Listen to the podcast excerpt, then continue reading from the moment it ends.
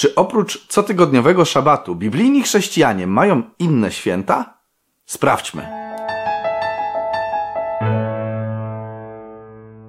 Było ogólnie siedem świąt żydowskich. Poczytać o nich możesz w Księdze Kapłańskiej, rozdziale 23. Każde z tych świąt e, proroczo wskazywało na jakieś wydarzenie w planie zbawienia. Cały kalendarz zaczynał się od Paschy, która wskazywała oczywiście na śmierć Chrystusa.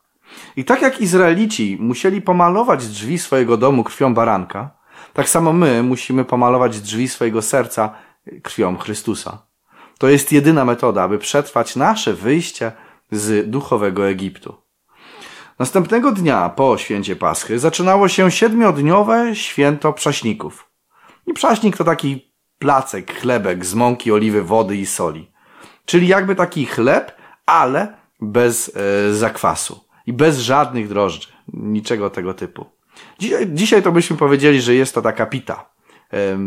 Tylko może nie taka płaska, ale bardziej, e, bardziej jak taki placek. Zakwas symbolizuje grzech. Oczywiście nie ma w nim nic niezdrowego w samym zakwasie, jakbyśmy jedli chleb na zakwasie. E, oczywiście zakładając, że ten chleb dobrze wypiekłeś. E, jeżeli jest niedobrze wypieczony, to te zakwasy to przecież są pewne bakterie, z których oczywiście większość jest zdrowa, ale mogą się trafić takie, które mogą tobie zaszkodzić. Więc lepiej zawsze dobrze chleb wypiec. Nie powinno się jeść źle wypieczonego chleba na zakwasie. Y, ale wracając, wracając do tematu, no, y, zakwas sam w sobie nie jest niezdrowy, jakiś zły, Bogu się nie podoba. Nie, nie, nie. Zakwas jest jak najbardziej w porządku, był zawsze stosowany. Po prostu taki symbol, mm, w sumie zakwas również może symbolizować Królestwo Niebieskie, ale również w Biblii może symbolizować grzech albo błędną naukę. Zobacz. Wtedy zrozumieli, że nie mówił, aby się strzegli zakwasu chlebowego, ale nauki faryzeuszy i saduceuszy. Przez siedem dni Izraelici mieli jeść jedynie chleb bez zakwasu. To święto symbolizowało bezgrzeszne ciało Chrystusa. Jezus sam przecież to nam powiedział. Ja jestem chlebem żywym, który stąpił z nieba. Jeśli ktoś będzie jadł z tego chleba, będzie żył na wieki. A chleb, który jadam, to moje ciało, które ja dam za życie świata. Trzecim świętem w kalendarzu żydowskim było święto pierwocin. Przynoszono wtedy pierwsze zbiory, zbiory y, przed Pana Boga. Miało to miejsce dwa dni po święcie Paschy. Czyli Pascha była, wypadała na 14 dnia miesiąca Nisan, a święto pierwocin na 16 dnia tego miesiąca. Skazywało to święto bezpośrednio na zmartwychwstanie Jezusa ponieważ sam Paweł w ten sposób interpretował to święto, gdy nazwał Jezusa pier pierwszą właśnie pierwociną zmartwychwstania. Tymczasem jednak Chrystus został wskrzeszony z martwych i stał się pierwszym plonem tych, którzy zasnęli. Dodatkowo podczas zmartwychwstania Jezus wskrzesił niektóre osoby jakby pierwociny. Grobowce się otworzyły, a wiele ciał świętych, którzy zasnęli, powstało. 50 dni po tym święcie wypadało święto tygodni, lub inaczej zielonoświątki. W tym dniu ponownie przynoszono pewne zbiory przed Pana, aby podziękować Mu za nie. To właśnie w dzień pięćdziesiątnicy miało miejsce wylanie Ducha Świętego i nagłoszenie apostołów nawróciło się około 3000 wiernych. To były takie plony już, już bardziej pokaźne. Następnie, po dość długim okresie 3 do 4 miesięcy, na 10 dni przed świętem e, tak zwanym Jom Kippur, czyli Dniem Pojednania, miało miejsce święto trąbienia. Symbolicznie to, to święto miało zwiastować nadejście Dnia Pojednania, nadejście właśnie tego kolejnego święta. Musimy powiedzieć sobie najpierw o Dniu Pojednania. Czyli Dzień Pojednania miał symbolizować sąd. I w związku z tym święto trąbienia wypełniło się w wielkim ruchu adwentowym początku XIX wieku, gdzie na całym świecie wierni ze wszystkich denominacji głosili rychłe przyjście Pana i konieczność przygotowania się na to wydarzenie. Jakby trąbili przez cały świat, że niedługo e, przyjdzie sąd. Nieświadomie wypełnili to święto. I o tych wydarzeniach mówię dużo więcej e, w pewnym archiwalnym odcinku, dwóch odcinkach Pierwszy oczyszczenie świątyni oraz drugi sąd. I linki jak zawsze zostawię w opisie do tych, do tych odcinków. One są dość długie, ponieważ wiele szczegółów chciałem tam, żeby rozwiać wszelkie wątpliwości. Zachęcam do obejrzenia, jeżeli chcesz zgłębić ten temat. Jest to bardzo ciekawa sprawa. Także święto trąbienia kończyło się świętem pojednania, które zgodnie z proroctwem Daniela, zapisanym w rozdziale ósmym, wskazywało na sąd nad światem, który według tych proroctw rozpoczął się w roku 1844 i ciągle ma miejsce. Bardzo szczegółowo to omawiam właśnie w tych dwóch odcinkach, do których linki macie w opisie. Ostatnim świętem żydowskim było święto namiotów, inaczej święto szałasów, sukot lub kuczki. Zaczynało się ono na pięć dni po dniu pojednania, czyli proroczo. Gdy skończy się sąd, Chrystus przyjdzie po swoich wiernych i zabierze ich na tysiąc lat do nieba, zgodnie e, z tutaj proroctwami Apokalipsy o tysiącletnim właśnie królestwie w niebie, o milenium. Te tysiąc lat w niebie będzie wypełnieniem święta namiotów. Po tym okresie na nowo zamieszkamy odnowioną już ziemię. Prawie wszystkie te święta się już wypełniły, więc przestrzeganie ich nic by tam jakby nie dało, ponieważ znamy już w pełni to, na co wskazywały. Wymazał obciążający nas wykaz zawarty w przepisach, który był przeciwko nam i usunął go z drogi przybiwszy do krzyża.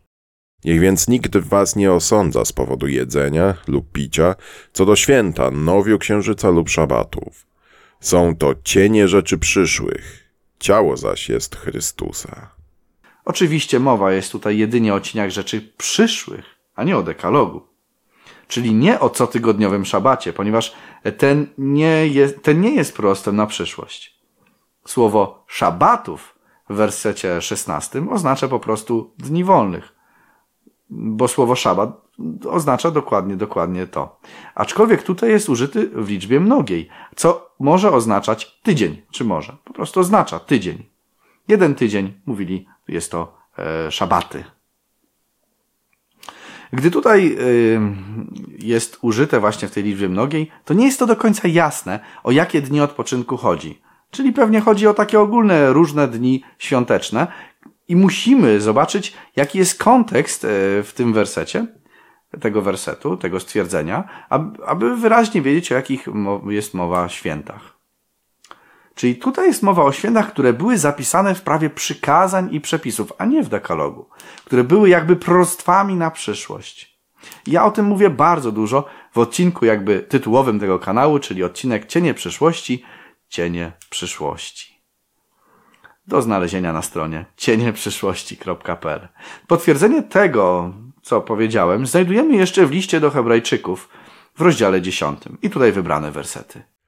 Prawo bowiem, zawierając cień przyszłych dóbr, a nie sam obraz rzeczy, nie może nigdy przez te same ofiary, które co roku są nieustannie składane, uczynić doskonałymi tych, którzy przychodzą. A każdy kapłan staje codziennie do wykonywania służby Bożej, wiele razy składając te same ofiary, które nigdy nie mogą zgładzić grzechów. Lecz ten, gdy złożył jedną ofiarę za grzechy na zawsze, zasiadł po prawicy Boga. Potem dodaje, a ich grzechów i nieprawości więcej nie wspomnę. Gdzie zaś jest ich odpuszczenie, tam nie potrzeba już ofiary za grzech. Podobnie tutaj, w tym pierwszym zacytowanym wersecie, mamy użyty zwrot cień przyszłości, oznaczając jakby zapowiedź tego, co ma się stać, czyli proroctwo, proroctwo na pewne wydarzenia z planu zbawienia. Te cienie polegały na ofiarach, Wszystkie te święta polegały na składaniu ofiar i bez tych ofiar nie byłyby tymi samymi świętami. Skoro Paweł udowodnił w rozdziale 10 listu do Hebrajczyków, że składanie tych ofiar nie jest już zasadne, to również przestrzeganie tych świąt przestało być zasadne. Były one cieniami na przyszłość. Gdy się wypełniły, to cień już nam nie jest potrzebny, bo mamy tą rzeczywistą rzecz, która rzucała ten cień. No właśnie, czy wszystkie się wypełniły? No, jeśli jesteś takim czujnym słuchaczem, to pewnie zauważyłeś, że nie wypełniło się jeszcze święto namiotów, bo to wskazuje dopiero na milenium w niebie, który jest przed nami. Jednak, żeby było jasne, to święto, jak i wszystkie inne święta, polegało na składaniu określonych ofiar. Dlatego z tego samego powodu obecnie nie mamy jakiegoś wymogu, aby je przestrzegać. Przyjrzyjmy się jednak bliżej temu świętu. No bo jednak jest to dość ciekawe, że ono się nie wypełniło. Czyli ta rzeczywistość tego święta jeszcze my do niej nie, nie dotrwaliśmy, więc teoretycznie powinniśmy ciągle żyć w jego cieniu. Pierwszego dnia weźmiecie sobie owoce z najlepszych drzew, gałązki palmowe, gałązki gęstych drzew i wierzbiny z nad potoku i będziecie się weselić przed Panem, waszym Bogiem, przez siedem dni. Będziecie obchodzić to święto dla Pana przez siedem dni co rok. Będzie to wieczysta ustawa przez wszystkie wasze pokolenia. W siódmym miesiącu będziecie je obchodzić. Przez siedem dni będziecie mieszkać w szałasach. Wszyscy urodzeni Izraelici będą mieszkać w szałasach. Było to święto, które miało być pełne radości. Cały lud Boży spotykał się na takim jakby polu namiotowym, chociaż wiadomo, to było gdzieś koło, koło świątyni, więc nie do końca pole. Ale spędzali czas razem. Taka była idea. e, W takich właśnie fajnych warunkach. Do tego w świątyni miały miejsce ciągłe ofiary, które wskazywały na Chrystusa, a więc pewnie jakieś nauki się tam pojawiały. Więc każdy był budowany duchowo. Do tego mamy pełno psalmów, które były psalmami, które były śpiewane, gdy, e, gdy e, lud Boży szedł na e, właśnie ten, na to święto namiotów, święto szałasów. Dokładnie to samo jest obecnie nam potrzebne. Bo coraz więcej nawróconych chce sobie jakby swoje nawrócenie mieć gdzieś tam w domu. Tak aby nie żyć z żadnym zbawionym. To jak wy wytrzymacie w niebie? Jak już teraz do kościoła was nie ciągnie? Dlatego musimy jeździć raz do roku pod namioty, gdzie będą prowadzone jakieś duchowe wykłady. Naprawdę byłoby to z olbrzymią korzyścią, nie tylko dla nas, ale dla całego kraju, bo my zmienimy się na tych spotkaniach w bardzo znaczący sposób i to się rozleje przez cały rok na wszystkich innych, których spotkamy. Dodatkowo jest bardzo cieka ciekawe proroctwo dotyczące właśnie święta namiotów. Jest ono zapisane w księdze Zachariasza, rozdziale 14.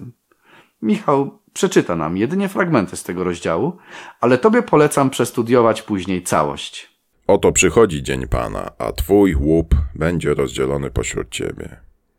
Jego nogi staną w tym dniu na górze oliwnej, która leży naprzeciw Jerozolimy od strony wschodniej. A góra oliwna rozpadnie się na pół, na wschód i na zachód, tworząc wielką dolinę. I połowa tej góry cofnie się na północ, a połowa jej na południe. Wtedy będziecie uciekać do doliny tych gór, bo dolina tych gór będzie sięgać aż do Azal. Będziecie uciekać, jak uciekaliście przed trzęsieniem ziemi za dni Uzjasza, króla Judy. Potem przyjdzie Pan, mój Bóg, a z nim wszyscy święci. A Pan będzie królem nad całą ziemią. W tym dniu jeden będzie Pan i jedno Jego imię. I będą w niej mieszkać, a nie będzie już przekleństwem. Jerozolima będzie zamieszkiwać w pokoju. Będzie to miało miejsce, gdy po milenium na ziemię zstąpi nowe Jeruzalem. Mamy też przestrogę dla tych, którzy mają udział w drugim zmartwychwstaniu. To jest tych, którzy zwalczali Boga, Jego lud w swoim życiu. A taka będzie plaga, którą Pan dotknie wszystkie narody, które walczyły przeciwko Jerozolimie. Ich ciała będą się rozkładać, gdy jeszcze będą stać na nogach, ich oczy będą gnić w oczodołach, ich język zgnije w ustach. W tym dniu będzie wśród nich wielkie zamieszanie od Pana, tak że jeden uchwyci rękę drugiego, a jego ręka podniesie się na rękę swego bliźniego. A taka sama plaga jak tamta dotknie konie, muły, wielbłądy, osły oraz wszystkie zwierzęta, które będą w tym obozie. Jednak, jak się okazuje, nie wszyscy z tych narodów będą potępieni. To proroctwo wskazuje nam jakby na uniwersalność zbawienia. Wszyscy pozostali spośród wszystkich narodów, które wyruszyły przeciwko Jerozolimie, będą przychodzić od roku do roku, by oddawać pokłon królowi, panu zastępów i obchodzić święto namiotów. A jeśli ktoś spośród rodów ziemi nie pójdzie do Jerozolimy, by oddawać pokłon królowi, panu zastępów, na tego nie będzie padać deszcz. A jeśli ród Egiptu nie wyruszy i nie przyjdzie, choć na niego deszcz nie pada, spadnie jednak na niego ta plaga, którą Pan dotknie narody, które nie przyjdą, by obchodzić święto namiotów. Taka będzie kara dla Egiptu i kara dla wszystkich narodów, które nie przychodzą na obchody święta namiotów. Więc mamy pewne rozdzielenie. Będą ludzie, którzy przyszli na święto namiotów i ci, którzy nie przyszli. Tutaj zwróć uwagę, że ci, którzy przyszli, na nich będzie padać deszcz. Jaki deszcz? Deszcz Ducha Świętego. Także jest to bardzo istotne, aby no może, może sobie wziąć te, te rzeczy do serca. Oczywiście tutaj jest to proroctwo wskazujące na to milenium, o czym zaraz sobie jeszcze powiemy.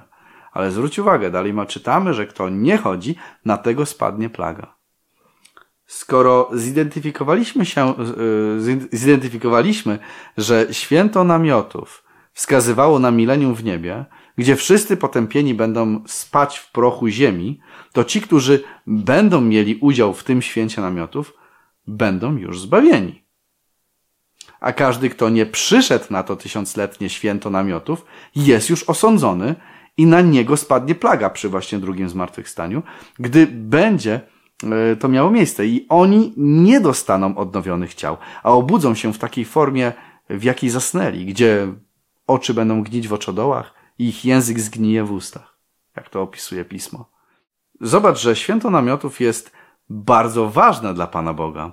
I choć nie ma obecnie jakiegoś przykazania czy nakazu, aby obchodzić to święto, to byłoby to z wielką korzyścią, gdyby cały lud Boży spotykał się raz do roku gdzieś na polu namiotowym i słuchał duchowych wykładów. W momencie publikowania tego nagrania ja jestem właśnie na takim spotkaniu, na kampie w Zatoniu. No, jeżeli Bóg pozwoli oczywiście, ale myślę, że wszystko będzie, yy, będzie właściwie przebiegało.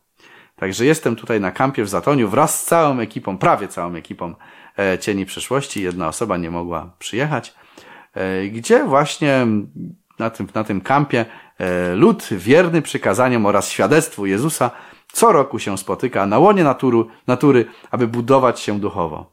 Kamp potrwa chyba do następnej niedzieli, jeśli dobrze pamiętam. Także za tydzień odcinka nie będzie, ponieważ jest to czas, którym nie powinieneś chodzić leniwie po internecie, ale powinieneś być na, e, na ten choćby ostatni weekend kampu i przyjechać do Zatonia. Kto wie, może nagram jakieś sprawozdanie z kampu, ale nie obiecuję. Także najprawdopodobniej za tydzień odcinka nie będzie. Tutaj zresztą nie ma nawet zasięgu za bardzo, e, więc pewnie nic z tego e, i tak nie wyjdzie. Także przygotujcie się, odcinka nie będzie. No chyba, że mnie zaczepicie na kampie, to zrobimy sobie taki odcinek na żywo, na prawdziwe żywo, a nie przez, przez internet. Na dzisiaj to tyle. Mam nadzieję, że zobaczę wielu z Was na kampie e, w nadchodzących dniach. Pamiętaj łapce w górę oraz o subskrypcji i może jakimś krótkim komentarzu, aby film był bardziej promowany przez, e, przez algorytmy YouTube'a. Cześć!